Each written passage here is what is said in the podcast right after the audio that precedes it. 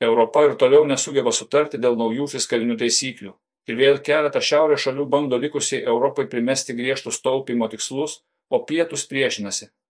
Kol Europa skaičiuoja centus, JAV ir Kinija atmeta senus laisvos priekybos modelius ir masyviomis subsidijomis vykdo industrinę politiką nuo pokario nematytų mastų. Visa es politikos situacija primena menko biudžeto švilpiko dienos perdirbinį, kuriame es vis kartoja tas pačias ekonominės politikos klaidas. Per pandemiją Europa suprato, kad laikantis įprastai konservatyvios fiskalinės politikos gali grėsti ilga ekonominė depresija. Todėl fiskalinių taisyklių galiojimas buvo sustabdytas ir valstybėms buvo atrištos rankos skatinti ekonomiką. Per pandemijos įkarštį tapo akivaizdu, kad prie senųjų taisyklių grįžti nerealu. Todėl jau porą metų vyksta diskusijos, kaip sukurti fiskalinės taisyklės, kurios užtikrintų skolos tvarumą, bet draugė leistų valstybėms pakankamai investuoti į ateitį. Senosios taisyklės riboja metinį biudžeto deficitą iki 3 procentų nuo BVP, o bendras šalies skolos lygis neturėtų viršyti 60 procentų. Europos šalis nuo pat pradžių tas taisyklės nuolat pažydinėjo, viena pirmųjų pažydėjų buvo Vokietija, o bandymas jas griežtai įgyvendinti, neatsižvelgiant į šalių situaciją, vesdavo prie politinių ir finansinių krizių. Problema ta, kad šalis nuolat patiria unikalias problemas ir sukretimus, kuriems dažnu atveju reikia rimtesnio atsako. Nesant centralizuoto es biudžeto ekonominį stimuliavimą turi įvykdyti pačios šalis narės, o jei fiskalinės taisyklės suriša valstybėms rankas, valstybės neretai panyra į ilgalaikę stagnaciją. Atsižvelgianti tai, Europos komisija pristatė pirminius pasiūlymus, kuriuose formaliai anksčiau minėti ribojimai lieka, tačiau šalis, kurios netitinka kriterijų. Kartu su komisija sudarytų personalizuotus skolos mažinimo planus, kaip nusekliai gerinti skolos rodiklius. Pirminis EK pasiūlymas pripažįsta realybę, kad vienodas taisyklių rinkinys negali tikti visoms valstybėms tuo pačiu metu, todėl lankstumas yra būtinas. Vokietija bando primesti fiskalinius pančius. Vokietijos finansų ministras Kristianas Lindneris nerimauja, kad taisyklės pernelyg nevaržančios ir neužtikrins pageidaujamos fiskalinės drausmės. Kritikuojamas reformos lankstumas, teigiama, kad per daug galios suteikiama Europos komisijos interpretacijai. Todėl Vokietija ir dalis palaikančių valstybių šikštuolių remia siūlymą grįžti prie taisyklių labai artimų buvusioms. Vokietija siūlo, kad šalis turinčios daugiau nei 60 procentų nuo BVP skolos ją mažintų po 1 procento per BVP per metus. Tai itin suvaržytų tų valstybių galimybės investuoti į energetiką, gynybą ir stipriai blogintų tų šalių ateities perspektyvas.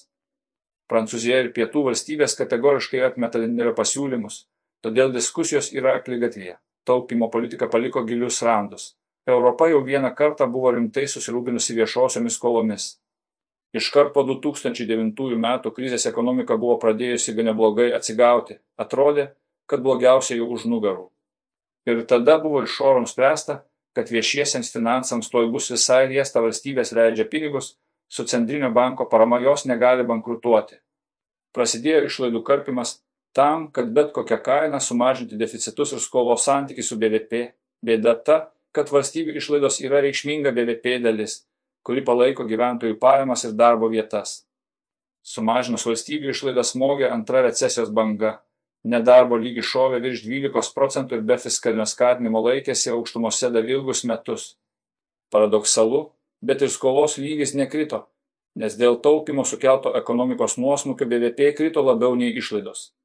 Europos skolų krizė yra itin skaudi, nes jos galėjo nebūti, jei es nebūtų dariusi grubių ekonominės politikos klaidų. Taisyklės, kurias stumia Vokietija, didina tikimybę, kad mes ir vėl ateityje užlipsim ant to paties grėblio.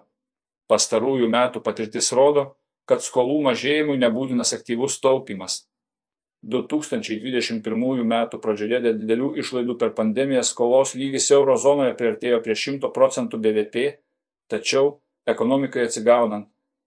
Valstybių išlaidos automatiškai mažėjo, mokesčių surinkimas gerėjo ir pajamos augo. Nieko specialiai nedarant iki dabar skolos lygis sumažėjo beveik 10 procentinių punktų Europos ambicijos pavojuje. Liūdniausia, kad griežtų fiskalinių taisyklių sugrįžimas kesinasi palaidoti visas Europos ilgalaikės ambicijas klimato kaita bei karas Ukrainoje skaudžiai atskleidė investicijų Europoje trūkumą.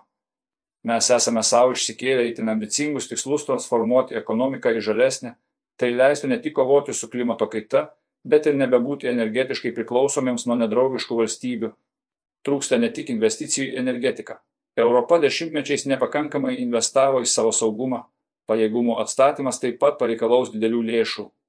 Istorija rodo, kad valstybėms pradėjus taupyti, būtent investicijos ir krašto apsauga yra labiausiai kenčiančios rytys.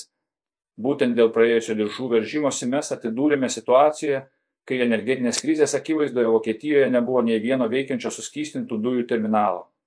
Jei vėl įsigalios griežtos fiskalinės taisyklės ir valstybės imsis karpyti išlaidas, investicijos ir gynybos išlaidos, tikėtina, vėl kris pirmos. Niekas neketina konkuruoti sažiningai. Keičiasi ir geopolitinis kontekstas.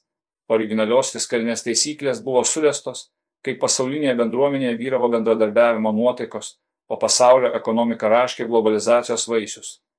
Šiandien šalis labiau linkusios į uždarumą, intensyvėja geopolitinė konkurencija tarp JAV ir Kinijos. Šalis vis aktyviau užsijima industrinę politiką, bandymų strateginėmis investicijomis formuoti verslo plėtrą. JAV meta didelius pinigus į lustų ir atsinaujinančios energetikos gamybos vystimą savo šalyje, o Kinija didžiuliu mastu subsidijuoja savo pramonę ir vos per porą metų tapo didžiausia elektromobilių eksportuotoja. Didžiosios pasaulio žaidėjos meta didelius resursus tam, kad užsitikrintų saugumą ir dominavimą ateities ekonomikos sektoriuose. Jei Europa liks įsikandusi savo konservatyvios fiskalinės politikos ir eksportuojančio ekonomikos modelio, ji nepajėgs konkuruoti lygiomis jėgomis. ES ekonomika per pandemiją parodė, kad įmanoma pasiekti neblogų rezultatų, jei tik jai suteikiamas reikiamas postumis. Senosios fiskalinės taisyklės neveikia, o pandemija tik apnuogino jų absurdiškumą. Sugrįžimas prie sukaustytų viešųjų finansų sukeltų rimtą grėsmę ambicingiems Europos tikslams ir gali kelti grėsmę ilgalaikiu ES konkurencingumui.